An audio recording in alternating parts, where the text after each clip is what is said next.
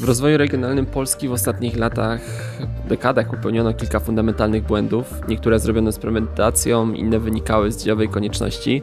Faktem jest, że ten model, postawienie na rozwój jedynie największych metropolii zaszkodził wielu obszarom naszego kraju. W dzisiejszym odcinku nie porozmawiamy o tym, czy tak musiało być, ale spróbujemy odpowiedzieć na pytanie, jak odwrócić model rozwoju głęboko zakorzeniony w poszczególnych politykach publicznych. Mówiąc w skrócie, porozmawiamy o tym, jak ocalić Polskę średnich miast. Nazywam się Jakub Kucharczuk, jestem szefem działu międzymiastowo na portalu klubjagielloński.pl, a moim dzisiejszym rozmówcą jest Krzysztof Mazur, były wiceminister rozwoju, a wcześniej również prezes Klubu Jagiellońskiego. Dzień dobry. Międzymiastowo. Podcast miejski Klubu Jagiellońskiego. Ja nie ukrywam, że pretekstem do naszej dzisiejszej rozmowy był twój facebookowy wpis, y, który wrzuciłeś świeżo po lekturze książki Zapaść Marka Szymaniaka. Piszesz tam między innymi, że nie można bronić modelu metropolii jako motor napędowy i być po stronie Polski powiatowej. Nie można mieć też żadnego pomysłu na politykę przemysłową i być po stronie Polski powiatowej. Hasło granty z Unii Europejskiej i miłość do małych ojczyzn to za mało. Tu trzeba poważnego pomysłu rozwojowego. No i od tego pomysłu rozwojowego dzisiaj może zacznijmy. Rozumiem, że w tym miejscu przytyczki do wielu opozycyjnych polityków są na miejscu, bo sam się oczywiście zgadzam z tym, z tym podejściem, które opisujesz w tym pisie. Ale w takim razie, jaki jest obecny pomysł rozwojowy na tą Polskę małych i średnich miast? Myślę, że rząd także nie ma na to pomysłu. Okej, okay, w takim razie Twoim zdaniem ten model, który jest od dekad zakorzeniony i to nie jest tylko zakorzeniony gdzieś tam w papierach, strategiach rozwoju Polski 2020-30 i tak dalej i w innych strategiach sektorowych, e, ale również bardzo głęboko w głowach i innych politykach publicznych, e, wciąż od początku, do końca lat 90. obowiązuje i co do zasady trzyma się w tym samym tak jakby kierunku. Dla mnie książka Szymaniaka była ważna z kilku powodów. Na pewno istotne jest to, że facet należący do szeroko rozumianej szkoły reportażu Gazety Wyborczej opisuje, e, dlaczego te miasta zapaści mają taką kondycję, jak, jak, e, jaką mają dzisiaj. E, opisuje tak naprawdę bardzo krytycznie transformację ustrojową. Przywołuje bardzo konkretne historie miast, ale także próbuje zbudować jakiś taki statystyczny obraz, przywołując między innymi cytat z jednego z ekonomistów, mówiący o tym, że w wyniku polskiej transformacji utraciliśmy 30% polskiego przemysłu, z czego 75% to nie było uzasadnione rynkowo, tylko związane z pewnymi spekulacjami. Dlaczego to jest istotne? Bo nie tylko e, to jest zupełnie inna linia niż ta, która była w Gazecie Wyborczej przez 30 lat, e, linia raczej bronienia Balcerowicza niż pokazywania negatywnych skutków, ale też to jest istotne dlatego, że Gazeta Wyborcza i czy całe środowisko powiedzmy lewicowo-liberalne dużo mówi o miastach w ostatnich e, latach, dużo mówi o ruchach miejskich, a Szymaniak pokazuje, że w tym myśleniu dużo jest o ścieżkach rowerowych, kapitale społecznym, a mało jest o sercu każdego większego miasta, jakim jest praca. Bardzo często w polskim przypadku to była praca związana z przemysłem.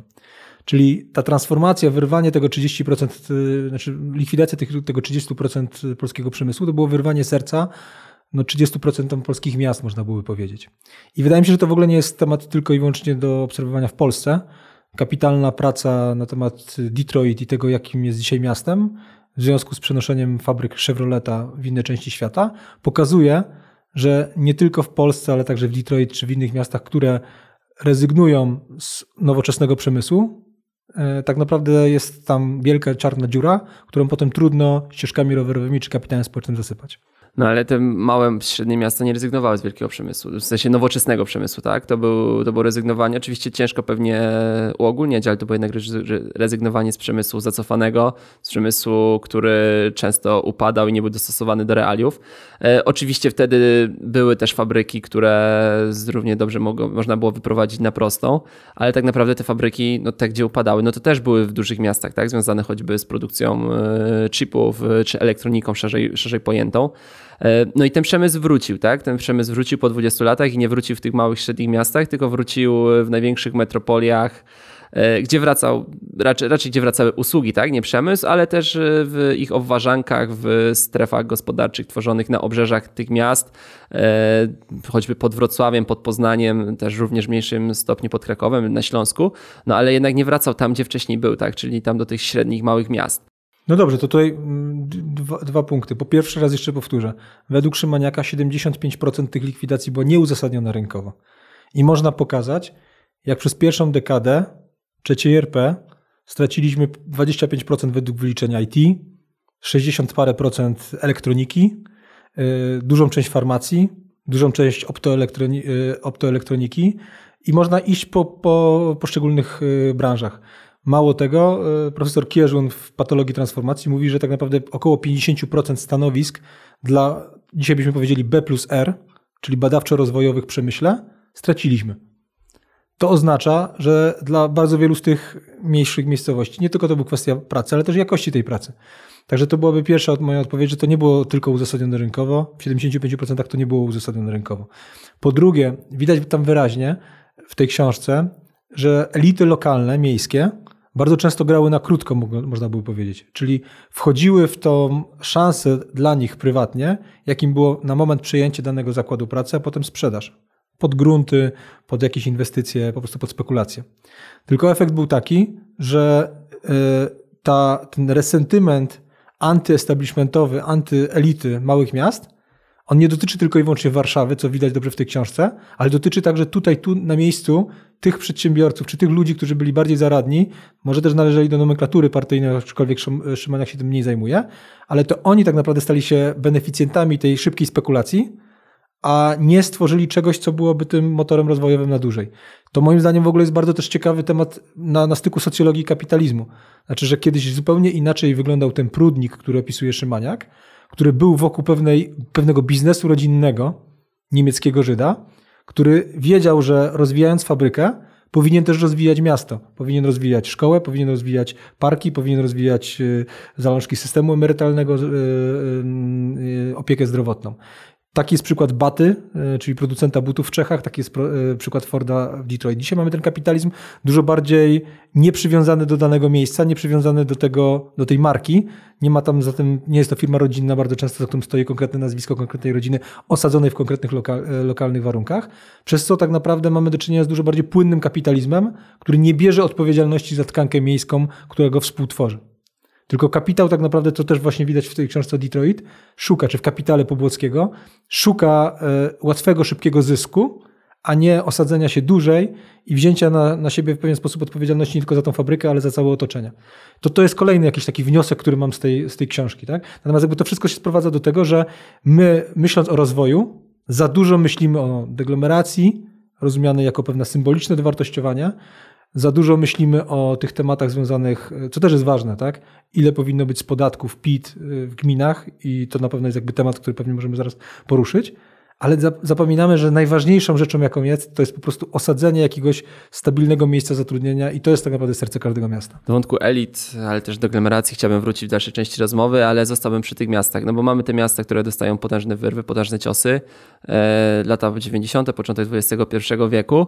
E, no ale potem oczywiście jest chwila bardzo wysokiego bezrobocia, ludzie zaczynają emigrować raz, że w jedną stronę za granicę, Londynu, Berlina i tak dalej, ale w drugą stronę również do wielkich miast, szczególnie ci młodzi, którzy, których wtedy jeszcze, patrząc czysto liczbowo, było całkiem sporo, to nie są te liczby, o których choćby teraz mówimy, patrząc na demografię, no ale burmistrzowie tych miast, czy też szerzej lokalne elity miały co robić, było wejść do Unii Europejskiej, tak? I to granie na krótko mogło się wtedy sprawdzać, no bo okej, okay, nie było przemysłu, bezrobocie przestało być tak dużym problemem, bo ci ludzie tak naprawdę zniknęli.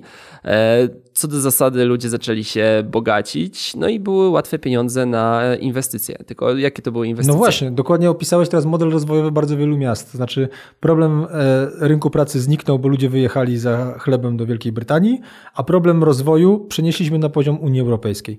To znaczy, że w momencie, kiedy idą duże granty, relatywnie łatwe do zdobycia na tak zwaną rewitalizację rynków, to samorządowcy nie mogą się temu oprzeć, Chociaż y, tak naprawdę okazuje się, że ostatecznie te tak zwane zrewitalizowane rynki dzisiaj są przedmiotem naszej krytyki, bo jest tam beton, nie ma tam przestrzeni zielonej, ludzie nie chcą tam y, żyć. Ale to jest właśnie w pigułce oddanie rozwoju grantom europejskim, bo akurat pojawiło się granty na rewitalizację, łatwo je zdobyć, duża pokusa dla burmistrza, zrobimy tak jak w dużych, dużych miastach. I to też moim zdaniem jest e, problem na poziomie centralnym, to znaczy, jeżeli my od kilku lat, myśląc o rozwoju regionalnym, mówimy o Ministerstwie Funduszy Europejskich, to znaczy, że polskie państwo doktrynalnie doszło do wniosku, że to granty europejskie załatwią nam problem. że to one mają być mechanizmami, motorami rozwoju dla tych mniejszych ośrodków. A to oznacza, że w momencie, kiedy jest ten grant na rewitalizację, to on trochę bezwiednie zmienia polskie miasta, a te polskie miasta z kolei nie mają możliwości powiedzenia, ej, słuchajcie, może my tego w ogóle nie potrzebujemy, może potrzebujemy czegoś zupełnie innego. Na przykład dużo bardziej, dużo lepszej koordynacji na poziomie przyciągania inwestycji zagranicznych, o czym też możemy za chwilę powiedzieć, bo to jest tak naprawdę coś, na czym burmistrz powinien skupić. Jak pytasz mnie, czy to była dobra strategia pod tytułem no, skupmy się na grantach y, z Unii? Oczywiście kanalizacja, infrastruktura w porządku. Trzeba te y, za, y, tą, tą pewnego rodzaju historyczne za, zapóźnienia nadrabiać. Ale to nie jest nic rozwojowego w tym sensie, że realna gra toczy się o to, czy zostanie ściągnięta fabryka Jaguara do konkretnego miasta. To jest tak naprawdę realna gra o rozwój tego miasta, a nie o to, czy dostanie 10 milionów w tom czy w tom na kolejną betonozę. Z jednym zastrzeżeniem do tej infrastruktury, że często to też były jednak inwestycje, które kosztują, w tym momencie kosztują. I okej, okay, można, można się kłócić o to, czy ta droga była potrzebna, czy jednak niepotrzebna. Kanalizacja zasady była potrzebna, modernizacje różnych systemów komunalnych były potrzebne. No ale, ale, żeby mieć wkład własny, należało wziąć kredyt, a żeby wziąć kredyt, trzeba było się zadłużyć na, na kolejne I często kolejne czysto, lata. Czysto wizerunkowo budowałeś basen, akwapark, już nie mówiąc stadion, bo to też nie jest przypadłość tylko tych największych miast, ale wielu średnich miast które duże stadiony powystawiały również za kredyty i dalej to robią, bo tutaj niewiele się zmieniło, co jest tak naprawdę kosztowo bardzo dotkliwe a nie przynosi poza wizerunkowymi tak naprawdę korzyściami i jak niektórzy śmiesznie ujmują marketingowymi, tak, że tam jakiś ekwiwalent reklamowy jak telewizja transmituje. No znaczy, to, zasady... jest, to jest element jakości życia, który też należy docenić tak. i pewnego prestiżu, że w naszym mieście też jest gdzie pójść w niedzielę na, na, na, na, na, na akwaparku czy na, na, na lodowisko, jasne. Natomiast wracam do tego, Tylko, do, tej, do, tej fabryki, do, tej fabryki, no do tej fabryki Jaguara, nie? Bo przysłowiowego, bo tak naprawdę teraz mamy Y, dzięki tej perspektywie, o której powiedzieliśmy, właściwą, moim zdaniem, perspektywę na to, gdzie są te szanse rozwojowe dla tych miast. No i teraz pytanie moje y, dalej, którą sobie po lekturze y, Szymaniaka postawiłem. Gdzie dzisiaj są ci samorządowcy, którzy tworzą w ogóle potencjał do zdobycia takiego Jaguara? Nie? Bo mamy z jednej strony problem następujący. Ten kapitał zagraniczny bardzo często szuka terenów pod inwestycje nie w, stały, starych zakładach pracy typu Prudnik, czy typu nawet Nowa Huta, e, czy tam kombinat e, ArcelorMittal w Nowej Hucie w Krakowie. Dlaczego? Dlatego, że po prostu re, no, rekultywacja tego terenu, przygotowanie go pod nową inwestycję jest daleko bardziej czasowo i finansowo chłonne, niż po prostu pójście do kątów wrocławskich, tak jak powiedziałeś, i tam zbudowanie kolejnej dużej fabryki. I to jest realny problem dla tych miast, że one dzisiaj bardzo często mają tereny pod nowy przemysł, ale nie są one na to przygotowane. I w, z moich rozmów z samorządowcami, na przykład na Śląsku miałem taką rozmowę e, w Tarnowskich Górach, gdzie e, rozmawiałem z prezydentem i on mi mówił, pełniąc funkcję w Ministerstwie Rozwoju, że tak naprawdę to jest ogromny problem, że my potrzebowalibyśmy jakiegoś grantu publicznego bo z naszego budżetu gminnego nie jesteśmy w stanie tego zrobić, na rekultywację i na przygotowanie terenu pod nową inwestycję. To jest jeden wątek. Tego, takiego głosu nie mam. Rozmawiamy o tych grantach europejskich, rozmawiamy o tym picie, a takiego, takiego głosu moim zdaniem bardzo brakuje i próby koordynacji, jakby miało wyglądać taka próba właśnie nie dania tej wędki przysłowiowej właśnie w taki sposób, że e, z poziomu centralnego pomagamy przygotować teren i aktywnie szukamy razem z Wami inwestora. Drugi wątek właśnie a propos szukania inwestora. Jest dzisiaj instytucja do tego powołana, jakim jest Polska Agencja Inwestycji i Handlu i mam wrażenie, że samorządowcy niewystarczająco mocno ją widzą jako pewnego rodzaju agregat pewnej wiedzy co do potencjału e, właśnie tego inwestycyjnego. Nie ma e, narzędzi do tego, żeby, czy takiego sposobu, czy takiej kultury, nie wiem od czego to bardziej zależy, ale żeby tworzyć na poziomie tego typu agencji rządowej pewną konkurencję pomiędzy gminami i także wchodzić w dialog z administracją państwową pod tytułem, jaka powinna być hierarchizacja, że nieraz podobne warunki są w dwóch różnych miastach, ale to jedno miasto potrzebuje tego bardziej niż drugie. W ogóle taka dyskusja się nie odbywa nawet w taki sposób bardziej powiedzmy ekspercki, kuluarowy, tylko to jest y, gdzieś zupełnie w innym miejscu, czasem y, wypadkowa no, jakichś kontaktów międzyludzkich, a czasem po prostu jest to, y, jest, jest to kwestia jakichś po prostu y, jeszcze innych czynników, nie? politycznych można by powiedzieć. Czy twoim zdaniem jest to tylko poziom e, tej polskiej agencji inwestycji i handlu, która przeszła swoje reformy w ostatnim czasie, tak? Zaczęła działać chyba troszeczkę bardziej efektywniej? Czy są też takie inne agencje, instytucje, które mogłyby to robić? E, Na przykład Krakowski Park Technologiczny tutaj widzę na, na, na poziomie Małopolski, tak? Jestem ciekaw, jak często prezydent Majchrowski rozmawia z szefem KPT na temat tego z jednej strony, jakie startupy są u niego, jakie nowe inwestycje e, idą z, zagranicy, jakie są trendy, o co chodzi w tej branży gamingowej i tak dalej, i tak dalej. Moim zdaniem w ogóle nie ma takiej ciekawości, a to na poziomie nawet nie tyle Krakowa, co samej Małopolski, KPT jest bez wątpienia takim integratorem jak PAIH na poziomie centralnym.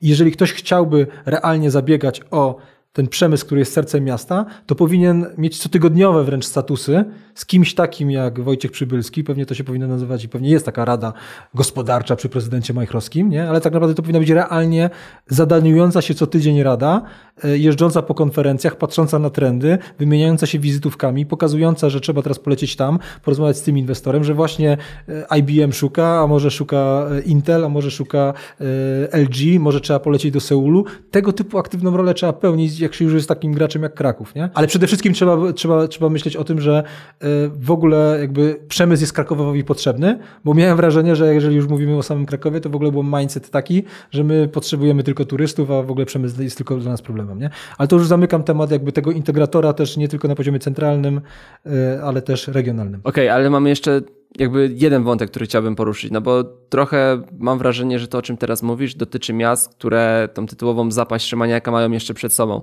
że one mają swoje problemy, one o 15 lat, mając fundusze europejskie, odsunęły dyskusję o tych problemach, bo cały czas, cały czas było coś do otwarcia. No ale mamy też e, kilkadziesiąt, myślę, że już miast, szczególnie na wschodzie, północy Polski, ale też również e, tutaj w terenach Polski centralnej, które taką zapaść już tak naprawdę przeżyły. Kilka z nich opisuje Szymaniak, kilka w ogóle nie jest opowiedziane.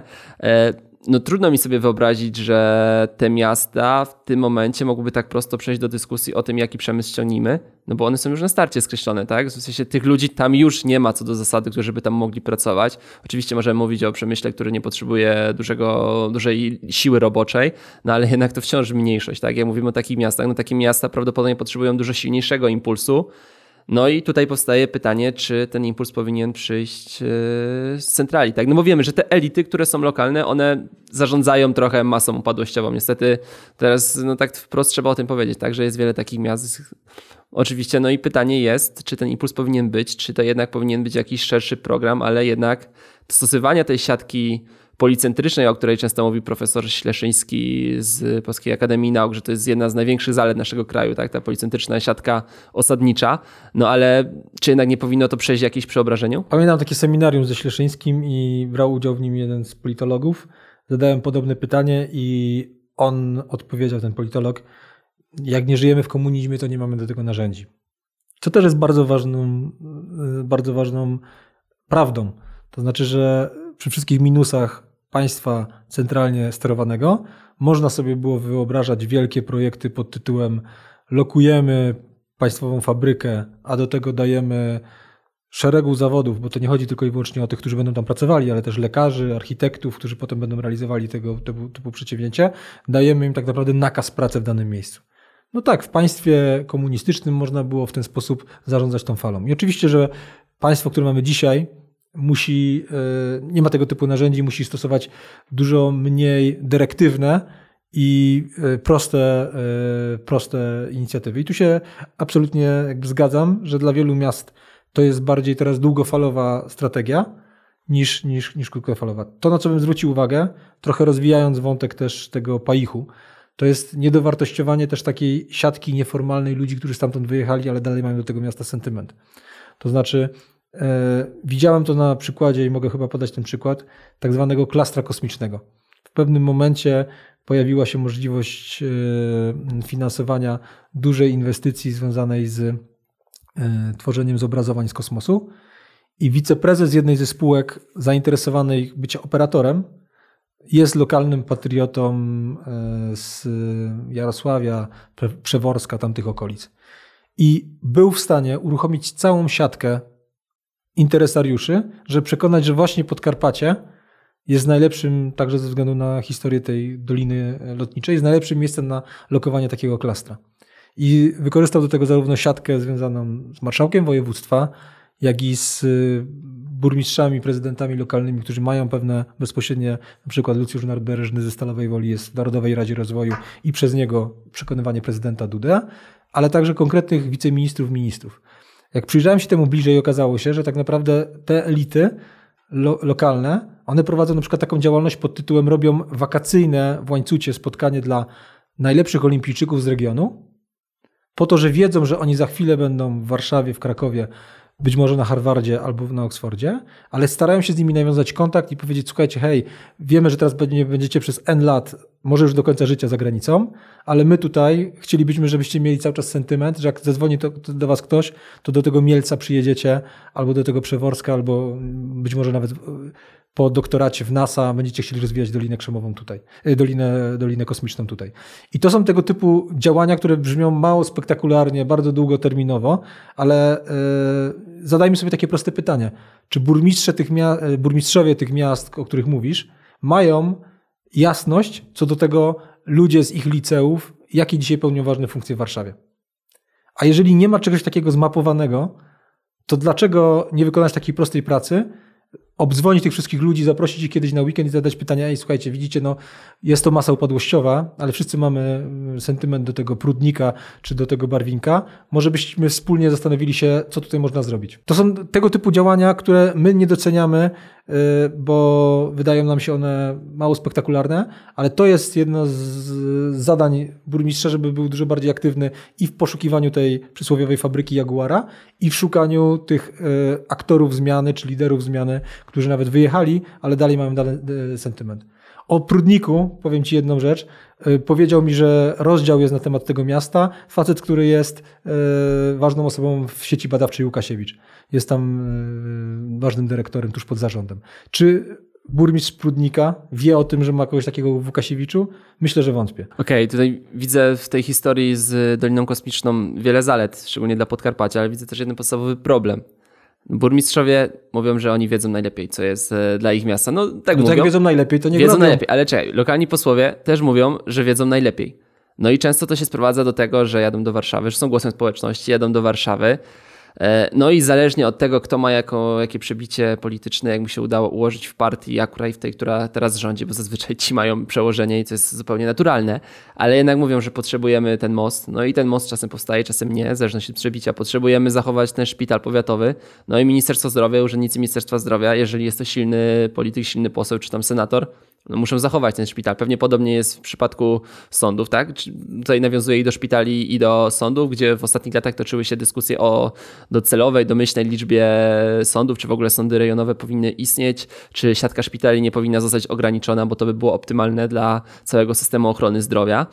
No i wygrywają ci, którzy mają największe koneksje polityczne. Tak jak mówisz e, o tej historii Podkarpacia, teraz zacząłem się zastanawiać, czy podobnie by się mogło wydarzyć w Wielkopolsce przy obecnej jakby konstelacji politycznej.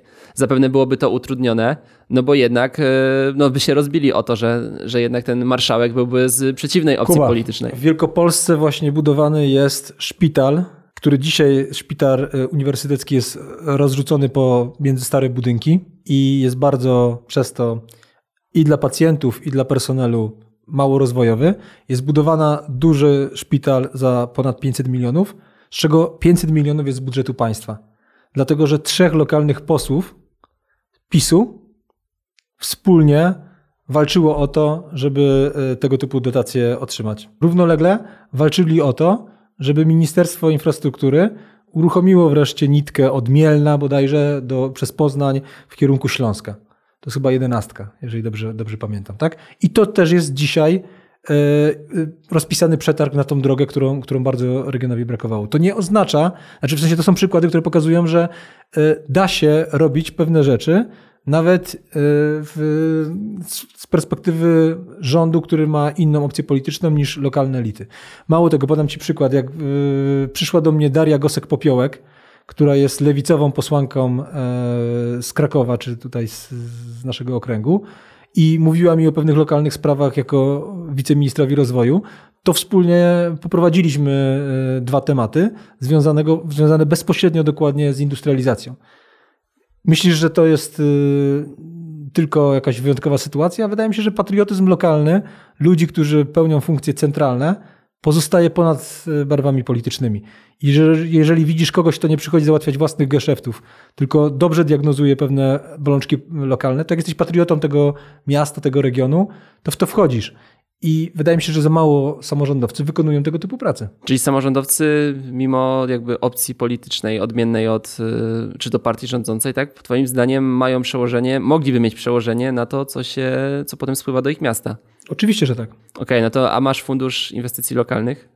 Który potem dostajesz analizę, no i jest druzgocący, tak? Nie chcę go bronić. Nie, ale w sensie jest druzgocący. Jestem w ogóle ciekawy, no bo tutaj można się znęcać na tym, że większość hajsu trafiła do, do związanych gmin, czy tam samorządów związanych z Zjednoczoną Prawicą, ale tam jest jeszcze ciekawsze wątki, tam bardzo mocno widać, którzy posłowie PiSu są silniejsi, tak? I którzy ściągnęli do siebie, do swojej małej gminy, z którego z okręgu pochodzą, e, projektów za kilka milionów, a którzy, mimo że przecież jest gmina, gdzie 70% poparcia PiS, ściągnęli tam zaledwie za pół miliona jedną rewitalizację, tak? Ale posłowie co do zasady, oni pełnią bardzo ważną funkcję, którą też w takich analizach dotyczących polityk rozwoju my nie widzimy. Bardzo często to jest samorząd, gdyby y, prezydenci rządzili miast, y, światem y, i granty europejskie.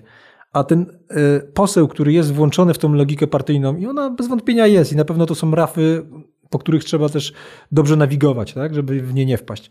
Natomiast poseł jest integratorem wielu procesów, których pojedynczy na przykład wiceminister czy szef PAIH-u nie widzi.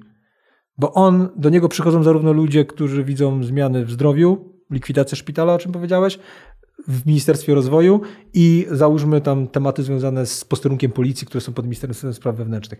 I on integrując te różne bodźce, które dostaje z centrali, widząc pewne rzeczy, może tak naprawdę pokazywać, jak wygląda dzisiaj realne problemy tego miasta. A przez to, że jest dużo bardziej oderwany od tych lokalnych spraw, nie jak burmistrz czy prezydent i jest regularnie w Warszawie, naprawdę nie wyobrażam sobie, żeby jakiś wiceminister, który merytorycznie chce załatwiać sprawy, no przynajmniej się nie spotkał z takim posłem, który być może jest z innej opcji politycznej, ale przychodzi z bardzo konkretną rzeczą dla istotnego miasta, nie? znaczy istotnego w sensie takim, takim społecznym. Więc jakby wydaje mi się, że my powinniśmy mocniej dowartościować tych posłów, powinny być regularne spotkania samorządowców z posłami wszystkich opcji i powinny być jakby jasność pewnej agendy, co warto zrobić przez 4 lata. Oczywiście potem jest kłopot taki, że jak się coś uda, to ktoś chce na tym zbić swój polityczny kapitał i, i wypić tam śmietankę, ale to też jest do ustalenia, moim zdaniem, jakby w momencie, kiedy nie ma gry poniżej pasa, to pewne rzeczy też widziałem, że e, da się komunikować jako wspólny sukces iluś polityków. Dobra, a nie było problemem to, jak, jak byłeś wiceministrem, że przychodził do ciebie poseł, który nie tylko miał dobry obraz tego, jak sytuacja wygląda w jego terenie, ale że też miał już wizję, jak to powinno wyglądać i de facto już, wiedział, już siebie widział na zdjęciu na otwarciu? Wiesz, jeżeli to nie był okręg, który interesował mnie, czy osoby, z którymi współpracowałem, to tym bardziej to nie był problem. No nie, ale przychodzisz, macie jakąś wizję. Roz, rozumiem, wizję jeżeli całe, to jest twój konkurent, regionu. to to jest, rozumiem, że jest problem, ale w momencie, kiedy to nie jest twój bezpośredni konkurent, to tym bardziej to nie jest No problem. nie, ale nie zakładasz, że taka wizja tego posła jednak może być błędna, tak? Że on walcząc o te dwa szpitale, żeby były w jednym powiecie i w sąsiednim powiecie, jednak Jasne. psuje cały system. Ale dotykasz też drugiego ważnego zagadnienia. Rozmawialiśmy teraz o tym poziomie centralnym i regionalnym. Natomiast jest też pytanie o to, czy burmistrzowie umieją za zarządzać wiedzą poniżej, nazwijmy to tak, e, swoich, e, swojego poziomu. Co mam na myśli? Mam na myśli to, że w miastach, nawet małych, istnieją zasoby intelektualne, finansowe, społeczne do myślenia o tym rozwoju gospodarczym, tylko to nie są ludzie, którzy chcą być radnymi. To nie są ludzie, którzy chcą się zawodowo zajmować polityką.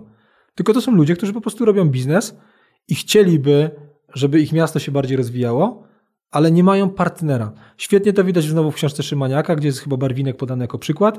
Dyskusja z licealistami. Mamy burmistrz, radny i lokalny przedsiębiorca. Burmistrz i radny mówi do młodych, musicie stąd wyjechać, a przedsiębiorca mówi, no zwariowaliście, my chcemy, żebyście tutaj zostali i żebyście razem ze mną rozwijali lokalny biznes. Widać było, jakie to było zderzenie światów.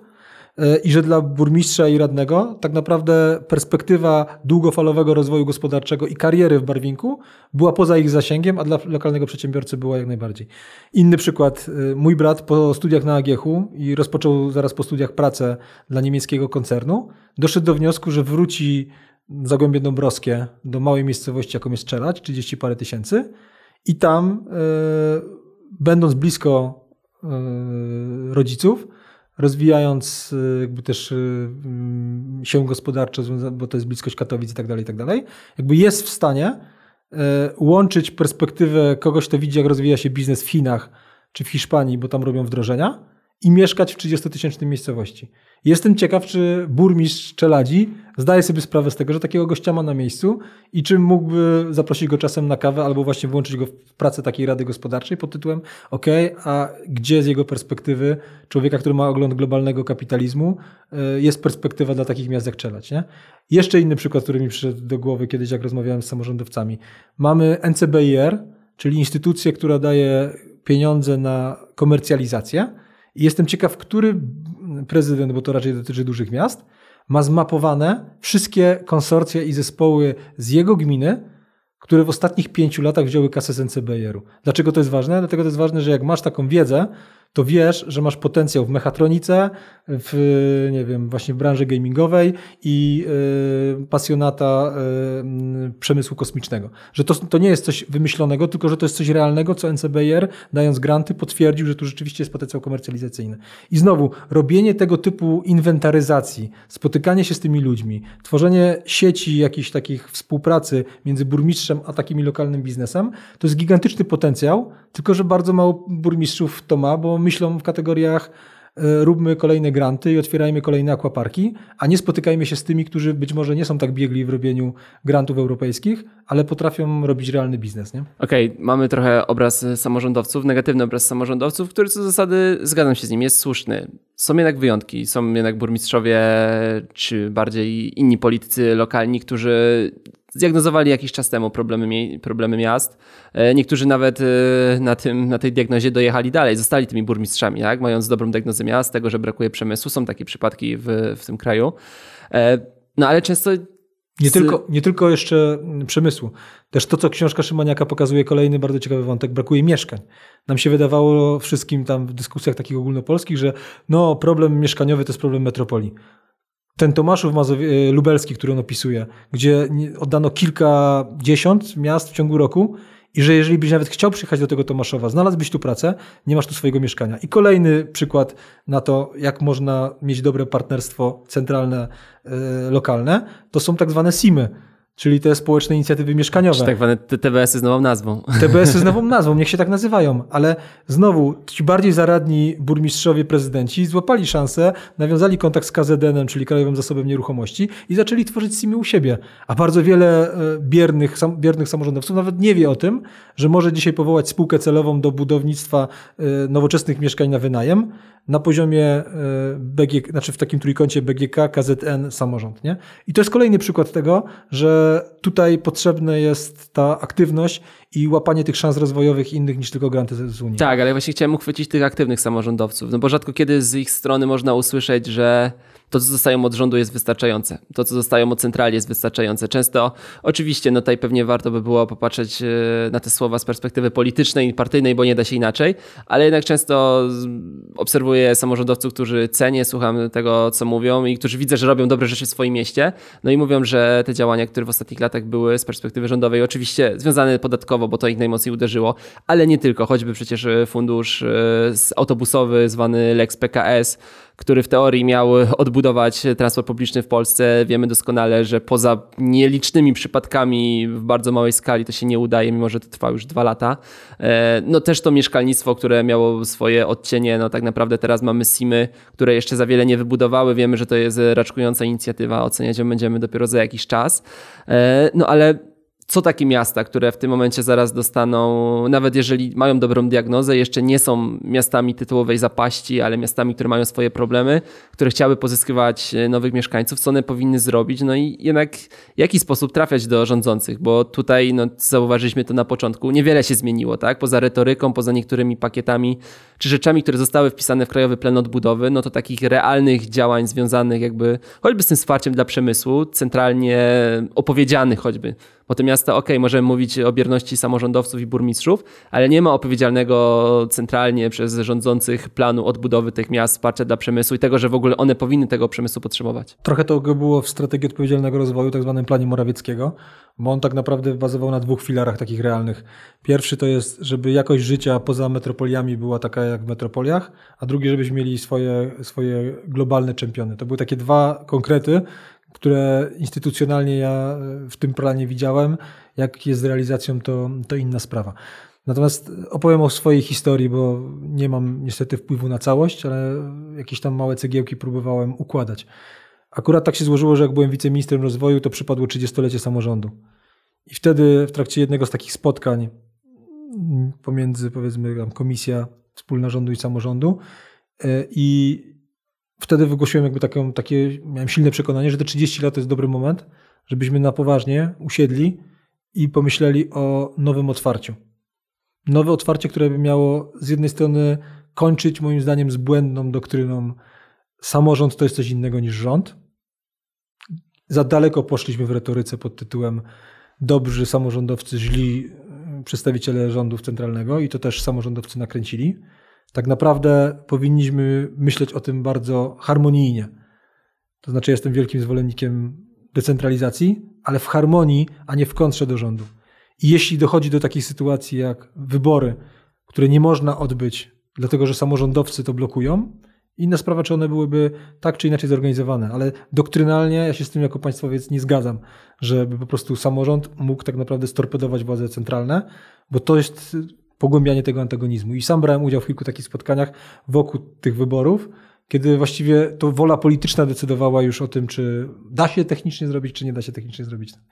Więc jakby to jest, to jest jakby jeden element tej doktryny. Przestańmy antagonizować, spróbujmy zobaczyć, co należy do jednego, co należy do drugiego, ale w harmonii.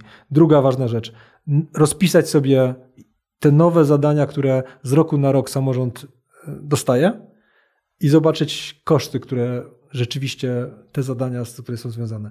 I takie otwarcie dyskusji, ile ostatecznie z tego budżetu centralnego z PIT-u i z CIT-u powinno zostawać w samorządzie wobec właśnie tego jasnego katalogu odpowiedzialności, to jest moim zdaniem jak najbardziej potrzeba teraz, żebyśmy to jasno zdefiniowali.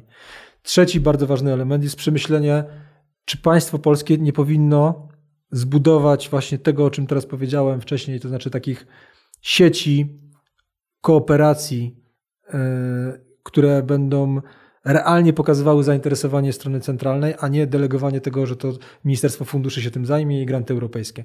Czyli państwo powinno powiedzieć, ok, my chcemy brać aktywną rolę w tym i inaczej trochę e, przeformułować działanie Ministerstwa Funduszy pod rozwój regionalny. No i wreszcie na samym końcu jest tak naprawdę pytanie o pewnego rodzaju zobowiązania jednej i drugiej strony. Znaczy, to się powinno zakończyć pewnego rodzaju jasnymi, e, jakby no ten nowy kontrakt powinien jasno definiować pole odpowiedzialności. Jak ono by miało być, no to, to możemy za chwilę porozmawiać o jakichś takich, o jakichś takich hasłach, natomiast, y, czy hasło, no bo to w, w konkretach pewnie należałoby w dialogu y, wypracować, ale na pewno y, zgadzam się z Tobą, że tutaj za daleko poszła sfera nieufności, Widzę tutaj problemy po jednej i po drugiej stronie i na pewno takie nowe otwarcie byłoby potrzebne i sam takie nowe otwarcie przy okazji 30-lecia samorządu proponowałem. E, no a jak, to się, jak zostało odebrane w ogóle? I to nie pytam no, kolegów e, z rządów tak, wtedy, tylko, czy koleżanki, e, tylko również o stronę samorządową. Czy, czy to był ten, ten trochę głos wołającego na puszczy, e, który no, w tym poziomie nieufności w ogóle to jest jednak e, czymś. Porozmawiamy o tym, jak zmieni się konstelacja polityczna, tak? Na pewno coś takiego było, jak powiedziałeś. Na pewno też kwestia tego, że Unia Metropolitalna, ale nawet Związek Miast Polskich, e, mający bardzo silną reprezentację tych największych ośrodków miejskich, które są mocno spolityzowane. No bo umówmy się, w Warszawie nie wygrywa się po prostu kampanią oddolną samorządową, tylko tam wygrywa polityk ogólnopolski zawsze. Myślę, że takie miasta jak Poznań czy jak Gdańsk, one także mają, czy Wrocław, mają swoje silne afiliacje polityczne i przy całym szacunku do wszystkich tych prezydentów i prezydentek, na pewno bez nominacji konkretnych partii i poprzedników, dużo trudniej byłoby im wygrać te wybory. Czyli wiadomo jest, że te miasta mają swoje barwy polityczne. I wiadomo było, że w sporze, o którym też mówiłem, e, o wybory prezydenckie, nie toczyła się gra pomiędzy apolitycznymi samorządowcami, a zaangażowanym politycznie rządem. Znaczy po jednej stronie był rząd, który chciał, żeby e, Andrzej Duda wygrał, bo to była ta opcja polityczna, po drugie głos przede wszystkim mieli ci prezydenci dużych miast, którzy chcieli, żeby Trzaskowski wygrał. A nawet wcześniej żeby była możliwość zmiany Kidawy Błońskiej na Trzaskowskiego. I to pokazało, że niby dyskutowaliśmy doktrynalnie, czy da się w pandemii zorganizować wybory, czy nie, ale tak naprawdę jedna i druga strona w pewien sposób grała grę polityczną. I to też trzeba o tym, o tym mówić. Dlatego pewnie to, co tu Ci przedstawiłem, czy Państwu przedstawiłem, czyli taka próba szukania e, zwolenników nowego otwarcia, no, trafiła w próżnię, bo akurat trafiła w bardzo polityczny moment, kiedy obydwie strony były wciągnięte w spór polityczny o wybór nowego prezydenta Polski. W takim razie odczytuję to też nowe otwarcie jako próbę dowartościowania po stronie samorządowej tych, których głos do tej pory nie był słyszalny, tak? czyli nie Związku Miast Polskich, Związku Metropolii, gdzie te argumenty polityczne zawsze będą się jakby konsultować, tak? Szczególnie jeżeli w Polsce mamy tak duże dysproporcje między tym, kto rządzi w dużych miastach, a kto rządzi teraz obecnie, e, no ale też rządzi Polską, czy tam jest, że tworzy rząd centralny, ale również rządzi tymi najmniejszymi, najmniejszymi miastami. E, ale jednak czy w takim razie ta zmiana dowartościowania nie powinna w jakiś sposób odbywać się również przez y, tą już wspomnianą przez ciebie deglomerację, o której wcześniej mówiłeś, że jest to coś, co jednak nie powinno się, w sensie, że nie jest aż tak pożądane, tak, że potrzebujemy twardych działań przemysłowych, a nie jednak większego dowartościowywania się no tutaj, jak rozumiem, uderzałeś od razu wprost y, do tych pomysłów przenoszenia urzędów, tak? Co, co myślę, że i w poprzednich latach y, pewnie samy, jak w trakcie bycia urzędnikiem, gdzieś tam odbijałeś, czy w jakiś sposób się z tym mierzyłeś. Deglomeracja w praktyce widzę, że pogłębia bardzo dużo dysfunkcji w momencie, kiedy miałaby być robiona tak e, przy takim stanie administracji, jak jest dzisiaj. Oczywiście można sobie wyobrazić idealną administrację, w której mamy szybkie przekazywanie różnych funkcji itd., tak itd. Tak Natomiast zobaczmy sobie jakby przykłady tej deglomeracji. Mamy Polsę, którą nadzorowałem, która ma swoją siedzibę w Gdańsku, w Warszawie, czyli Polską Agencję Kosmiczną, ma swoją siedzibę w Warszawie, w Gdańsku i w Rzeszowie koordynacja między tymi trzema ośrodkami bardzo słabo wychodziła.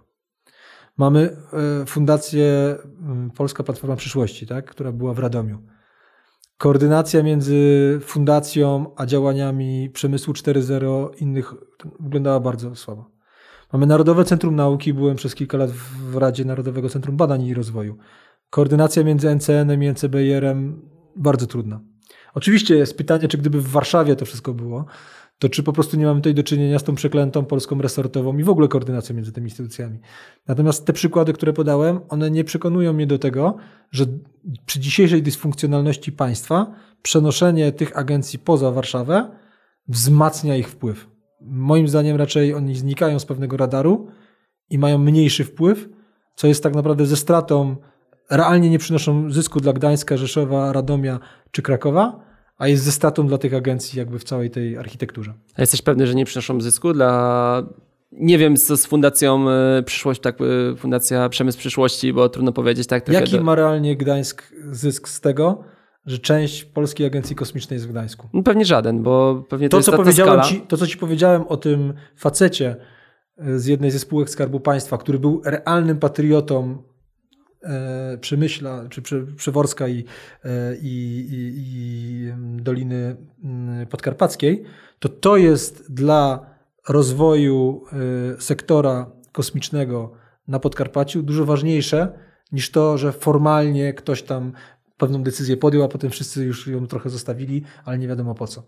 Bo to się wszystko musi opierać nie na decyzjach jednorazowych, że ktoś wylobował, bo była teraz moda na przeniesienie czegoś do Gdańska, tylko na tym, że ktoś ma na to pomysł i jest w stanie to osadzić w czymś realnym. I dlatego mówię o tym przemyśle, że ten przemysł jakby jest pewnego rodzaju realną potrzebą związaną z zainwestowanym kapitałem, z konkretną wartością, która tam jest wytworzona. I że to jest coś dużo ważniejszego niż taka, wiesz, arbitralna inżynieria społeczna, bo komuś się wydaje, że jak coś przeniesiemy tam, to to będzie dobre dla wszystkich. No, okazuje się, że nie jest. Nie, ale dlaczego tylko inżynieria społeczna, tak? Rozumiem, że Kraków czy Gdańsk mogą mieć niewielkie zyski z tego, że mają e, poszczególne agencje rządowe, no jednak co by nie mówić, e, mniej znaczące niż bardziej znaczące, tak? E, ale jednak gdy weźmiemy te mniejsze miasta, choćby miasta powiatowe, i nie mówię o tym, że powinny do tych miast trafiać te konkretne rządowe agencje, które są w tym momencie w Warszawie, no ale jednak trudno z ich strony oczekiwać, że będą w jakiś sposób budowały swój wizerunek, jeżeli choćby nie będą miały takich agencji, które spłyną do nich z miast wojewódzkich, tak? Czyli to rozlewanie będzie... Może patrzy to na to yy, tylko i wyłącznie przez pryzmat tak zwanej polityki rozwoju innowacyjnej. To pewnie nie jest jakby cały ogląd sytuacji, ale z tej perspektywy z, z pozycji Warszawy najważniejsze jest to, że w Krakowie są bardzo konkretne venture capital, które od lat penetrują środowisko akademickie i umieją znaleźć startupy i w nie zainwestować i potem wysyłają je do różnych, na różne inne międzynarodowe imprezy, sprzedają je, to są tak zwane exity i te exity napędzają opowieść o Krakowie jako miejscu, w którym dzieją się fajne i ważne rzeczy. KPT bez wątpienia jest wymieniane jako jedno z najlepiej zarządzanych i najciekawszych parków technologicznych. Dragony, czyli festiwal gamingowy, na pewno jest traktowany jako bardzo ważne wydarzenie. Impact na pewno jest momentem, w którym ludzie ważni przyjeżdżają do Krakowa i ten. Jakby to wszystko, to to tworzy tak naprawdę wartość, yy, mówię tylko z perspektywy polityki innowacyjnej, bo tym się najbardziej zajmowałem. Ale to tworzy, to tworzy tak naprawdę, czy DIH, o, kolejna rzecz, tak? Y, czyli y, Digital Innovation Hub, tak? DIH w Krakowie. To są kolejne rzeczy, które dodają do opowieści o Krakowie dużo więcej niż Narodowe Centrum Nauki. Być może mam, miałem spaczony ogląd, ale dokładnie tak to, tak to widziałem. No i zgadzam się z tym modelem, tylko w takim razie jak te wspomniana przez ciebie Czelać, Zawiercie, Chrzanów czy inne średnie miasta z różnymi problemami na różnych stadiach jakby zapaści, czy nawet niekoniecznie zapaści, e, mają opowiadać swoją historię i być atrakcyjne nie tylko dla ludzi, którzy wyjechali z tego miasta i może chcieli powrócić, no bo nie ma co ukrywać, że wiele z tych miast jednak będzie walczyło o to, o to w przyszłości i powinno walczyć, żeby, żeby zdobywać nowych osadników, nowych mieszkańców, ale w jaki, jaki sposób budować e, tą swoją opowieść, Kuba, jeżeli... namawiasz, mnie, namawiasz mnie teraz do takiej zabawy w political fiction, czy w jakieś takie... E, no tak, mamy miasta, tworzenie, które... tworzenie takich koncepcji, ale opowiem Ci. Czelać powiedziałem przykład mojego brata, tak? Namierzyłbym z perspektywy burmistrza Czeladzi iluś ludzi w pokoleniu 20-30-latków, którzy po ciekawym epizodzie w większych metropoliach, być może za, za granicą, przyjechali do Czeladzi i robią biznes, zwłaszcza w tym obszarze, który też jest tutaj charakterystyczny, czyli nowoczesny przemysł, tak? Automatyka, robotyka. Bo Czelać, mając obok siebie Sosnowiec, Katowice, zarazem będąc małą miejscowością z, z, rynkiem, z dużymi terenami zielonymi, ciekawymi miejscami takimi na rekreację, może tak naprawdę opowiadać się jako idealne zaplecze dla inżynierów pracujących w Katowicach czy, w, czy szerzej w aglomeracji śląskiej, w przemyśle, ale mieszkających tutaj, bo tutaj jest na przykład nowo wyremontowany fajny basen nie? i y, ileś ślizgawek, ileś parków i tak dalej, i tak dalej. I czelać jako zielone zaplecze przemysłowe dla aglomeracji z super historią, która należałoby osadzić w konkrecie takich historii jak mój brat. Zawiercie, podałeś przykład. Byłem w Zawierciu i potem się pokłóciłem na Twitterze z... Na tego też nawiązałem. Z, z, z okraską. E, to znaczy, ja zobaczyłem w Zawierciu miasto, które miało być e, ziemią miałową, jak chce książka, jak chce tytuł, tytuł okraski, ja zobaczyłem w niej nieźle prosperującą hutę, co też się dowiedziałem pracując w Emerze, że wcale, że ta huta przyjęta przez Amerykanów w Zawierciu całkiem nieźle sobie radzi jak na w ogóle bardzo złe warunki, które dzisiaj są dla przemysłu hutniczego w Europie. Ale zobaczyłem też yy, ileś takich miejsc, w których ludzie żyją w bardzo fajny, sympatyczny sposób. To było euro, było w parku Telebim, można się tam napić piwa jurajskiego. Jest ileś fajnych knajp, moim zdaniem na warszawskim poziomie. E, jest ileś nowych domów, ludzie mieszkający w Zawierciu cieszą się z tego, że wychodzą na rower i są zaraz na Jurze i mogą sobie pojeździć albo iść na skałki na Jurę. Jest łatwe i szybkie do, połączenie z Warszawą, jest szybkie połączenie z aglomeracją śląską, kolejowe. Więc jakby jest ileś plusów mieszkania w tym miejscu, Dlaczego mamy o tym opowiadać jako o ziemi jałowej? Zwłaszcza, że ja pamiętam Zagłębie Dąbrowskie, bo sam chodząc na przykład do liceum w Sosnowcu, wiem, że posiadanie gotówki jakiejkolwiek w swoim kieszeni groziło ci tym, że w każdym momencie mogłeś być skrojony, jak to się wtedy mówiło, w autobusie. Nie? Więc jakby to było realne doświadczenie Zagłębia w latach 90., to to była ziemia jałowa. Dzisiaj zawiercie na tamtym tle, czy czelać, tak jak to powiedziałem, to są super miasta do życia. No to też pięknie podsumowałeś, e, dlaczego ci burmistrzowie tak naprawdę nie zajmowali się innymi tematami. Tak? Nie mówię teraz już tylko o zawierciu, czeladzi, ale pewnie też o prudniku mie mieście, tak, pewnie, które jednak jakbyśmy mieli mówić, co to miasto powinno zrobić, no to tutaj mówimy o mieście, które pewnie potrzebuje dużego programu restrukturyzacji, tak naprawdę rewitalizacji. Nie mówimy tylko o kwestiach przestrzennych, ale, ale mocniej, mocniejszej jakby rewitalizacji tkanki, tkanki miejskiej i tego, jak tam to wygląda. No ale no, trudno się im dziwić, tak, że jak dostawali miasto tutaj masz poziom lata 90., że nie masz got- nie lepiej nie mieć gotówki w portfelu, a potem późne pierwsza dekada XXI wieku, wejście do Unii, rynek wypiękniał. Trochę też tych, e, który, przez których e, strajk było mieć gotówkę w, w portfelu wyjechało, wyjechało, z kraju, tak, więc problem też się rozwiązał. E, więc no, ci burmistrzowie spijali z tego śmietankę, tak, i lokalne elity spijały z tego śmietankę, no, ale też ci mieszkańcy na tym korzystali. To nie jest tak, że ktoś ich oszukał, tak, to, to nie był sen, tylko to był jednak pewne starcie z rzeczywistością, które w wielu aspektach wypadło pozytywnie. Wiesz, możesz opowiadać taki, taką historię, ja się nie muszę z nią też polemizować. No nie, no ty ją właśnie mocno. powiedziałeś, ja, mówiąc ja chcę, ja chcę y, powiedzieć, że można iść dużo dalej, nie? Że mamy dzisiaj na poziomie Unii Europejskiej dyskusję o tym, że w covid okazało się, że te bardzo długie łańcuchy dostaw są bardzo ryzykowne i wszystkie firmy w ramach Unii dyskutują o tak zwanej strategii autonomicznej Czyli tak naprawdę o tym, żeby przenieść tą fabrykę z Indii, może jednak bliżej e, do Niemiec. Ale dlaczego do Niemiec? Są raporty, które mówią, że dla nich tak naprawdę lokalizacja wewnątrz Unii jest wystarczającym zabezpieczeniem. I jeżeli ja dzisiaj myślę o Unii jako o mechanizmie rozwojowym, to nie granty, po, po raz piąty w trakcie tej rozmowy to powiem, ale na przykład to, że taki tacy burmistrzowie, prezydenci takich miast jak Zawiercie czy Czelać powinni, widząc taką tendencję, powiedzieć: OK, to może kolejna inwestycja, e, przeniesienie tej fabryki przez Siemensa z Chin powinna być właśnie w Czeladzi, czy powinna być w Zawierciu, nie?